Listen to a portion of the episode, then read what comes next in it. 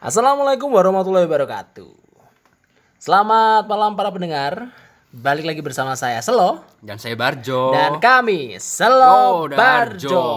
Ku kayu sepedaku Nikmati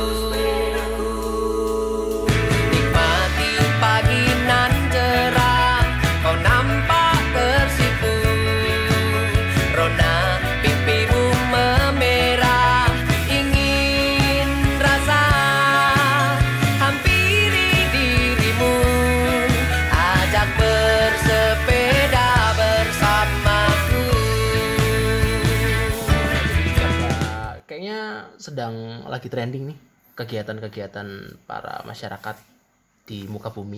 Mm-mm. Masyarakat-masyarakat itu kayaknya sekarang itu terlihat lebih gimana ya? Entah itu eh, ingin terlihat lebih sehat atau hanya ingin Pencitraan ikut-ikutan. saja. Pencitraan. Pencitraan saja. Sepertinya kegiatan baru ini eh, memberikan dampak positif, Positif ya. buat penjual dan tidak positif untuk pembeli. Ya Loh, kegiatan ya positif no.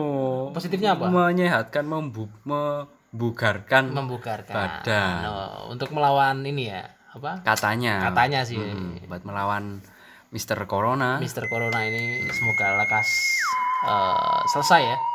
Jadi pada podcast kali ini kita akan bahas mengenai sebuah kegiatan yang menyenangkan sepertinya jalan-jalan. Oh, oh. Kayak lagunya gimana lagunya? Jadi intinya eh, mengenai ini ya transportasi. Salah satu transportasi dengan tingkat polusi yang tidak ada sama sekali. Polusinya Ya, ini kan apa sebenarnya transportasi transportasi jadul kan ya. Tapi betul, orang-orang itu eh, mulai kembali menggunakannya kan ya. betul. Transportasi ini tuh ibaratnya eh, transportasi yang sama sekali tidak menggunakan bahan bakar. Hmm, hmm, hmm. Tidak ada emisi gas buang. Tidak ada emisi gas buang, menyehatkan. Dan kita juga kedatangan nih pada malam hari ini kedatangan salah satu narasumber yang sebagai penggiat kegiatan bersepeda. Mas Josu. Halo semuanya, terima Wadah. kasih Wah, Mas Josu ini eh, salah satu aktivis. Aktivis. gue sehat condong catur Penggiat. West gue ke barat. ke ya perjalanan gue perjalanan cuk. Perjalanan menuju ke barat numpak pit masuk jadi Mas Josu ini eh, salah satu penggiat yang juga hobi kebetulan hobi bersepeda juga. Sudah berapa lama Mas Josu Oke, saya mulai bersepeda itu dari tahun 2018 Weda. Waktu Oh, tak kira nganu 2008. dari 2018 2018 waktu itu masih kuliah di semester akhir. Hmm itu karena saya melihat apa namanya melihat melihat kok kelihatannya iya. Waktu itu saya melihat MTB waktu itu Weda. mountain bike. Mountain bike lagi booming boomingnya atau saya kan emang hobi saya atau kesukaan saya kan adrenalin atau adventurean. Wih. waktu itu saya melihat kok kelihatannya seru nih. Makanya waktu itu saya beli harga pertama tahun 2018 itu saya beli sepeda paling murah itu merek merek United waktu itu. Itu waktu itu saya masih inget tuh harganya cuma masih yang murah-murah sekitaran 2 jutaan Wadah. Weh. waktu itu mas Manchester United ya. Manchester United. United. Tahun 2018 itu nggak se booming ini kan Sekarang ya, Oh, betul. sekarang. Mungkin sebelum itu tuh kalau ditarik ya apa hobi bersepeda tuh kayak eh, fashion juga ya. Oh, Kayak- oh, kayak, oh, kayak fashion. mau- kayak sepeda-sepedanya, kayak fashion itu tuh awalnya dulu ada pit fiksi, Fiksi. ya, sepeda fiksi. Fiksi itu malah anu ya, orang-orang yang gunakan eh, sepeda fiksi itu malah eh, kegiatannya malam hari kan ya? malam keluarnya. hari Oh. benar. Jadi kayak ibaratnya kalau di maraton tuh night run gitu. Jadi setiap malam aja mereka keluar. Jadi nggak setiap pagi. Mungkin kalau yang MTB tadi Mas Josu bilang itu untuk eh, ini ya jelajah alam ya lintas alam ya. betul untuk fungsinya sendiri untuk mountain bike itu untuk lintas segala medan mas Wadah. Ome jadi eh, segala medan bisa on road ataupun off road Off-road. begitu Oh. Mountain bike gitu ya. mountain bike. Selain mountain bike tuh biasanya sepeda apa sih Mas yang biasanya untuk lintas alam kayak gitu? Oke, kita untuk sepeda setahu saya itu ada road bike, Road itu bike. untuk kayak sepeda balap seperti itu, itu hanya untuk on road ataupun medan medan ringan saja. Kemudian untuk MTB sendiri, kemudian untuk hard trail, hard trail untuk yang kayak buat downhill seperti itu mas. Oh, kompetitif ya, Ya, untuk kompetitif. Jadi untuk Gunung. untuk yang medan ekstrim itu pakainya yang hard trail seperti buat downhill seperti itu. Jadi itu kan ada suspensi yang lebih lebih mendukung untuk medan seperti itu. Tapi kalau untuk medan-medan medium ke bawah seperti turun gunung naik gunung yang medan begitu ekstrim itu cuma pakai mountain bike sudah cukup Oh. seperti itu. sama paling anu ya? BMX BMX BMX kalau BMX itu biasanya buat freestyle buat anak-anak BMX ataupun skateboarding seperti itu. Tapi kalau untuk dikendarai sehari-hari kurang begitu. Kurang begitu enak ya. kurang begitu mendukung. Untuk sepeda emang untuk style itu. Oh, untuk freestyle. Ngomongin, ngomongin soal style nih atau gaya hidup ya. Sekarang kan ditambah dengan Covid seperti ini, kemudian ada apa eh, new normal ya, istilah new normal. Betul, betul. Itu korelasinya dengan gaya hidup sehat dengan bersepeda. Itu menurut Mas Josu sendiri sebagai penggiat tuh eh, memberikan dampak nggak ketika kita bersepeda atau dengan tidak bersepeda? Oke, eh untuk new normal sebenarnya kita bagus mas Ome untuk kegiatan bersepeda sendiri. Jadi yang benar kita yang diomongin mas tadi mengurangi polusi udara dan tidak menimbulkan emisi gas buang. Contoh untuk beberapa bulan kemarin sebelum new normal dibuka di Jakarta sendiri polusi udara mulai berkurang mas Ome. Yang tadinya biru langit Tidak biasanya tidak kelihatan sekarang udah mulai kegiatan dengan biasanya abu-abu dia jadi biru lagi. Udah biru lagi kelihatan cara seperti itu. Kemudian untuk saat ini kan banyak banget nih untuk pesepeda. Apalagi setiap hari setiap waktu setiap jam setiap banyak yang bersepeda. Apalagi kan sekarang digencang-gencangnya tuh back to work. Back to Hmm, back to work. Jadi kan banyak kan untuk para kantor-kantor yang di Jakarta ataupun di khususnya kota besar itu biasanya kan udah pakai sepeda ya. sepeda yang bisa dijangkau mungkin pakai sekarang kan modelnya Sally atau sepeda lipat singkatan itu Oh, Sally, Sally. sepeda Lipat. lipat. Oh, yang kemarin sempat viral ya, sepeda apa yang masuk Garuda? Iya, Brompton. Brompton. Brompton, sepeda harga motor. seperti itu jadi eh, lebih praktis lebih efisien dan ramah lingkungan pastinya betul mas Cuman kalau misalnya nih oh dari dari tadi kita bahas baik to work ya atau kembali ke sepeda lagi untuk bekerja atau melakukan aktivitas. Di Jogja itu kan ada namanya istilahnya mas gawe ya. Sepeda kanggo kanggo sekolah lah nyambut gawe. Terus gus gawe atau JLFR ya. Jogja Last Friday Ride itu biasanya Jumat malam itu juga ada kayak betul. movement. Iya setiap cuma target Jumat minggu terakhir ya Minggu malam. Biasanya movement ibaratnya kayak CFD di Malioboro cuman versinya komunitas komunitas. Cuman kalau misalnya gini apakah bisa eh, budaya bersepeda itu menjadikan benar-benar pakem habit orang nggak cuman waktu corona ini aja? Setelah corona mungkin bakal balik lagi ke transportasi yang sendiri-sendiri kayak motor atau gimana. Bisa nggak kira-kira? Itu benar-benar jadi pakem. Itu kita bersepeda terus nih. Nggak nggak cuman gara-gara pandemi ini Oke, kalau itu kembali lagi ke kebutuhan masing-masing, Mas Ome ya. Jadi seperti untuk mungkin untuk bekerja, kita lihat ini untuk jangkauan pekerja untuk khususnya di DIY ini kan untuk jarak bekerja ke kampus kan ada yang begitu dekat, ada yang begitu jauh. Jadi mungkin untuk untuk untuk dipakai untuk harian untuk bekerja atau sekolah mungkin masih bisa, tapi hanya untuk untuk jarak-jarak yang terjangkau. Tapi kalau untuk yang jauh mungkin bisa menggunakan Trans Jogja Wait. ataupun dengan kendaraan umum lainnya seperti sih mas oh. Kalau becak itu termasuk sepeda mas? Kalau becak itu sepeda ya? Sepeda itu. Sepeda sepeda roda tiga. Tapi sekarang untuk di DIY sendiri ini banyak sudah dijadikan bentor. mas. Bentor. Wah itu kayak kontras banget ya? Kontras banget. Jadi kan mungkin yang pertama untuk mempermudah untuk efisiensi waktu dan tenaga sih kalau itu mas. Mas jadi kita juga nggak nggak bisa mengkiri juga bisa menyalahkan situ yang bicanya juga. Tapi kebanyakan untuk eh untuk kelihatan lebih lebih apa ya namanya ya? Lebih ramah lingkungan sebenarnya saya mendukung untuk yang sepeda apalagi kan kelihatan yang unik kayuh-kayuh ya yang betul yang masih kayu apalagi kan untuk sepeda sendiri kan kita cuma ada di tempat-tempat wisata contoh di Jalan Malioboro. Betul. Untuk menjangkau di daerah Malioboro kan nggak begitu luas mas Ome jadi kan mungkin untuk eh, wisatawan juga naik sepeda bisa kelihatan bisa menikmati area lingkungan Malioboro bisa lebih puas. Nggak terlalu cepat. Kalau naik sepeda kan lebih puas memandang kanan kirinya begitu Tapi itu harusnya yang tadi sebagai budaya ke depannya, entah itu dia bekerja bersepeda atau kembali lagi ke transportasinya sebelumnya, itu harusnya dicontohkan dari yang kota-kota besar dulu kan ya, yang yang fasilitasnya itu mema- memadai. Dan Misalnya Jakarta, dia kan memadai. Kita turun dari eh, KRL terus nanti bisa oper lagi ke sepeda atau sepeda atau oper lagi ke trans transportasi trans Jakarta ya? tapi di DI sendiri sudah ada sih mas. Jadi kayak di halte-halte Trans Jogja itu biasanya disediakan parkir untuk sepeda. Jadi untuk para pekerja kantor ataupun kerja swasta itu sudah disediakan parkir sepeda. Jadi untuk para mungkin teman saya mungkin saya bekerja di daerah Malioboro. Mungkin saya sekarang tinggal di Condong Jatur saya bisa naik dari halte UPN itu kan ada parkiran untuk sepeda. Mungkin saya bisa mengendarai dari situ. Sepeda tinggal di halte UPN kunci saya gembok pastinya ya mas ya. Kalau kan nanti masa cuy.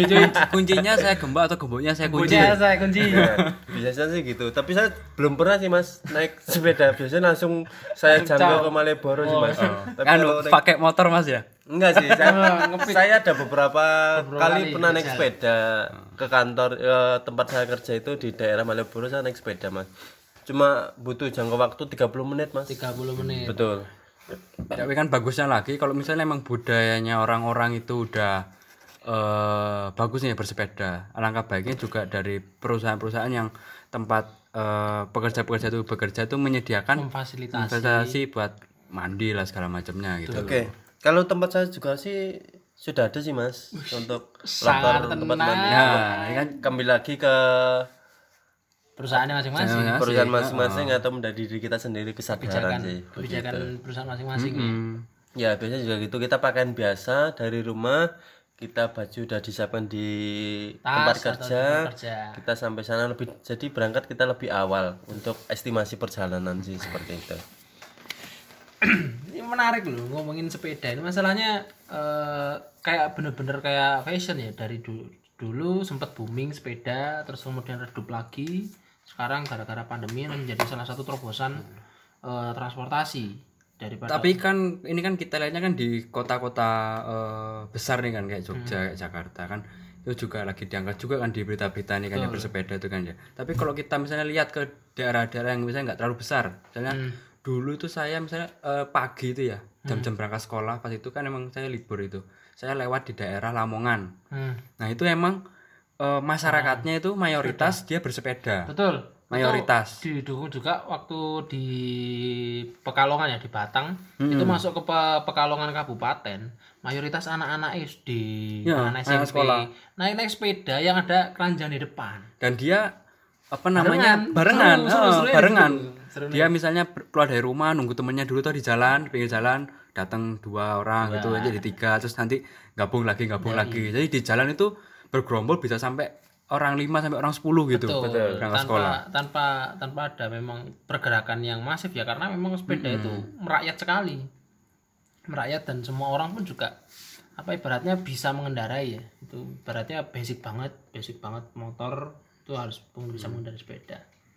Cuman kalau eh, sedikit fakta menarik itu bahwa di ternyata nggak cuman di Indonesia aja nih bahkan di Belanda pun eh, eh, sepeda itu menjadi transportasi favorit 40% lumayan besar loh 40 besar 40% itu WUW Yoi, WUW. WOW. Cuman ya, ini juga kalau kita bisa balik lagi ke Indonesia ya kayak pergerakan yang ada di kampus-kampus kayak UGM itu kan sudah memfasilitasi. fasilitasi Jadi antar hub antar fakultasnya atau antar apa namanya gedung-gedungnya dia pakai sepeda. Ya itu yang UGM UGM kan dulu yang ono parkir-parkir pi. Heeh. betul ada itu sudah ada Ada. Cuman kalau misalnya eh, kira-kira sebagai penggiat sepeda Mas faktor apa yang kurang didukung dari pemerintah? Mungkin ada penye- penyediaan jalur khususnya kah? Atau memang sudah cukup sekarang? Atau memang harusnya diperbanyak lagi?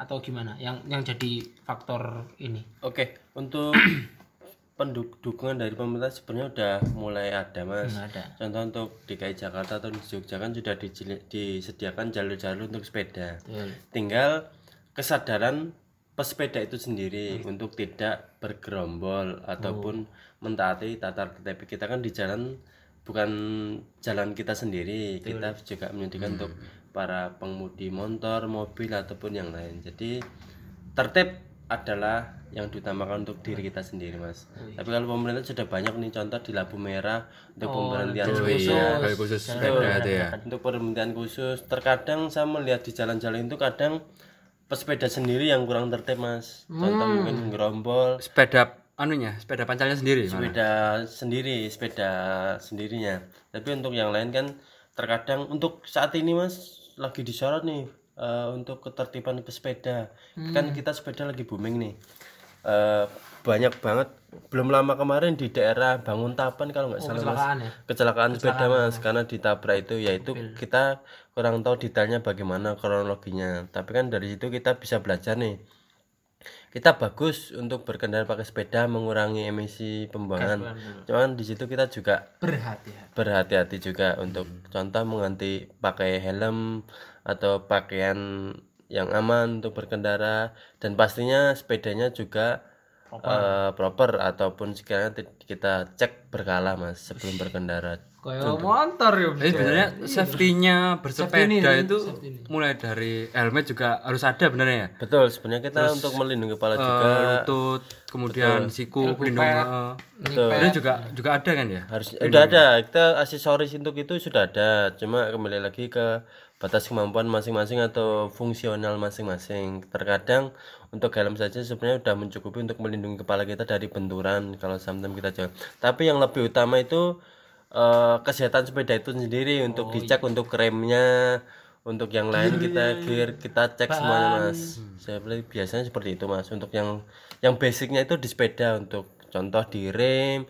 untuk tekanan anginnya kita cek berkala sih mas. Seperti itu Berarti kalau kita ngomongin sepeda itu kan kadang eh ya gambarnya motor lah. Kamu mainan motor sekali jajan berapa sih gitu? Ya kan? Berarti sekali jajan masuk bengkel tuh berapa? Kalau misalnya sepeda pancal, ya kan buat teman-teman yang eh, sekiranya pingin mulai kan ya. Yang mesti ditanyakan kan ya. Sekali jajan tuh berapa sih? Sekali maintenance untuk maintenance untuk sepeda itu apa saja dan berapa kurang lebihnya kurang lebihnya. oke eh, untuk Sepeda sepeda biasa ya, sepeda biasa. Oke, untuk sepeda standar, untuk Standar, benar. untuk MTB itu yang yang standar itu biasanya Mas, untuk rutinnya itu sebulan sekali itu servis berkala itu sekitaran 10.000 sampai 50.000 Mas. Oh, itu biasanya ceknya apa? Rantai biasa- nih. Iya, tapi. pertama itu ada rantai shifter untuk pemindahan giginya itu. Itu kan kadang trouble Mas. Kita pencet dua, kadang di satu, kadang pintanya satu di dua. Jadi agak troublenya di situ di shifter.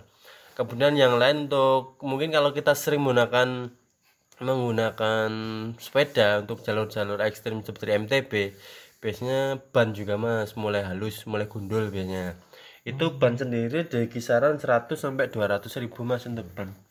Cukup murah. cukup murah. Cukup terjangkau sebenarnya. ya? untuk sepeda. Tapi untuk saat ini spare part spare part sepeda mulai mahal mas. Dikarenakan. Dikarenakan- demand-nya tinggi banget. betul. Ya, saya kemarin habis ganti sprocket mas atau gear itu yang tadinya ya satu Set. sprocket itu yang 8 speed. Nah, itu 100 sampai 200 250 ribu mas untuk yang standar mas. Itu sudah kayak harga rantai untuk ganti rantainya KLE gitu. ya seperti itu mas. Jadi eh, maintenance-nya sebenarnya nggak nggak mahal-mahal. maintenance nggak mahal-mahal cuma paling perawatan eh, pelumas untuk setiap gear rantai terus hub. Itu kita sering-sering kasih pelumas sama cek tekanan air sama kampas rem sih mas biasanya mas. Betul biasa kan kita buat jalur-jalur ekstrim buat turunan naikkan kan kita pasti selalu cek tekanan angin sama untuk pengereman yang yang, pasti cuma itu aja sih mas yang basic kurang lebihnya seperti itu Kalau misalnya apa namanya? eh itu kan kita bicara standar ya. Kalau yang mahal kayak apa merek Trail, Setahu ono Trail ono apa meneh tak ada Genio Polygon ya. iya ada Genio, Genio ada terus Polygon, United Shimano, eh Shimano kan merek apa? Shimano itu merek underdeal atau spare part mas Oh spare part tuh. Iya, Berarti itu grup Shimano set Specialized, Ah, ah. Specialized terus ini nganu gitu di sini ono game game di PS Oh, PT iya. ku lho, apa? Downhill. Downhill lah. Downhill. Downhill. Oh, iya, iya, Ngerti-ngerti merek-mereknya sih kok kono, coy. Oh. Ngerti-ngerti mereknya sih kok kono tuh. yang tak ingat kalau dodol mah cuma ngelamarin botol. Gebuki-gebuki. Terus nek misalnya kau Brompton ngono sing larang apa nih tak? kalau Brompton itu emang dari sananya mas pertama mungkin dah dari branding dah barang luar mungkin untuk mendatangkan ke sini ya itu Datanginnya dari sono, pajaknya berapa? betul mas Cuy. Itu kan Brompton kan buatan luar mas mungkin untuk ongkos kirim ke sini dan mungkin untuk perizinan yang mahal mas Wede. tapi kalau mungkin untuk sepeda sendiri mungkin murah mas Brompton ya sepeda lipat itu ya? iya betul seperti itu Nah terus nek oh, sepeda yang eh reti rak sepeda sing sepeda balap sing digo nganu lho kok kok balap-balap. ya itu modelnya namanya road bike mas Oh, jenenge road bike. Road bike. Kuwi biasanya sing bane larang ya. Eh, Tripis. itu kuat yang mahal itu yang pertama dari bahan frame-nya sendiri itu Oh, banyak iya, ringan Cah. itu banyak kurang lebih kayak modelnya karbon mas itu Wedan. sangat ringan sekali Wah, mas ini expert deh masalah perpitan. wah enggak juga mas ini baru belajar ya mas Wedan. Baru udah lama 2008. 2008. Belas. Belas. 2018 saya mulai menekuni sepeda mas Tapi perbedaan antara besi dan karbon. Untuk itu ada ya karbon tapi yang MTB. oke untuk bahan sendiri untuk sepeda untuk saat-saat ini kan lebih kebanyakan sih udah alloy mas atau aluminium Oh, alloy. Alloy, tau enggak alloy? Aluminium alloy. itu banyak kurang lebih untuk saat ini kebanyakan sih udah alloy mas atau aluminium. Untuk besi-besi tua atau baja ringan udah ditinggalkan mas. Karena pertama untuk bahannya udah mulai berat nih untuk eh, udah mulai aluminium untuk saat ini. Kemudian di tingkatnya lagi ada karbon itu sendiri untuk bit-bit yang apa sepeda-sepeda yang udah upgradean yang lebih bagus mas. Oh, Itu. anu, merek merek anu Phoenix tidak? merek Phoenix merek Phoenix tidak? Tahu Merek merek Phoenix sih biru ya lho, Lek. Itu zaman dhisik ya lho. ya untuk Merek zaman dulu Phoenix biru hijau. Beam cycle Beam cycle, sik lawas-lawas lho. Betul. Sekarang banyak banget Mas untuk oh kita sekarang untuk merek itu hampir sama ya Mas. Kembali lagi ke gunaan sih untuk Nah, untuk medan seperti apa yang kita mau jangkau Mas. Biasanya seperti itu. hmm, tapi dulu ya nek nggak salah kan kita pernah tuh naik ontel Hmm. neng kota gede. Oh iya, Oh, iya. iya, kan ada ontel ontel lawas, ontel lawas, ontel Itu lawas. kan dulu pernah banget. Pit kebul, Pit kebul. kebu, terus pernah itu eh, sepeda lipat zaman Belanda. Terus eh intinya tuh kayak sepeda lipat itu memang udah lama banget ya, udah lama banget dan eh, ibaratnya kayak eh, balik lagi ke ke ke fashion dan itu ngulang-ngulang ngulang-ngulang lagi. Betul. Munculan lagi Mas. Betul. Sekarang kalau misalnya Mas Josu sendiri mungkin ada eh, pesan untuk para penggiat sepeda di luar sana agar safety kah atau memang tetap jaga kesehatan, jaga kondisi. Oke. Yang pertama saya sangat bersyukur ya eh, penggiat sepeda untuk saat ini mulai mulai muncul lagi, mulai ada lagi. Jadi sangat senang. Cuma untuk eh, tips buat teman-teman pesepeda yang pertama eh, harus disiapkan dulu untuk fisik dan si pengendara sendiri. Untuk fisik pastikan harus prima. Kemudian untuk sepeda sendiri di kita cek sebelum kita berangkat, kita cek untuk seperti tekanan air, untuk rem, untuk penggunaan helm untuk safety. Kemudian yang tidak kalah penting yaitu tertib untuk berkendara Mas Ome. Ya, lebih Tertib berlalu lintas ya. Tertib berlalu lintas itu yang penting.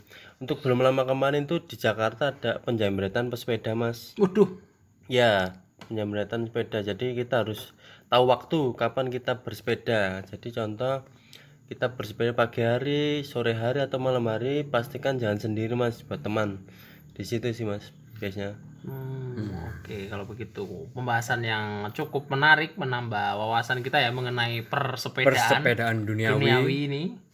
Jadi buat teman-teman sekali lagi manfaatnya tuh banyak banget asalkan kita tahu tempatnya ya. Asal tempatnya, asal kita punya eh, gear yang proper. Kita juga badan juga harus fit juga. Ta- taat berlalu lintas itu yang penting. penting mas itu. Yang lebih penting sebenarnya cintailah produk-produk Indonesia. Indonesia. Betul mas, kita harus cintai produk-produk dalam negeri sudah bagus-bagus ya mas.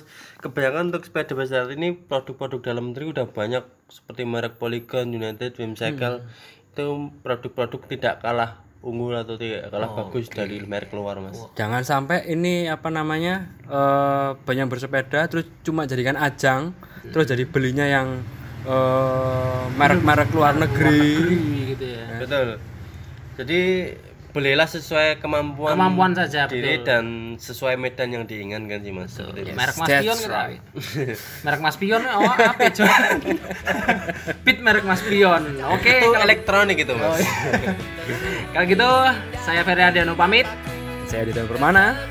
Saya Josu. Kritik kami dan beri saran kami agar terus ber ya, berkembang Kembang Di berinovasi berkarya. Get Ardiano Ome 1 itu Instagram saya. Kemudian di selain tujuh. Mas. Dan saya Instagramnya Tosin. Sampai jumpa di podcast kita minggu depan. See ya.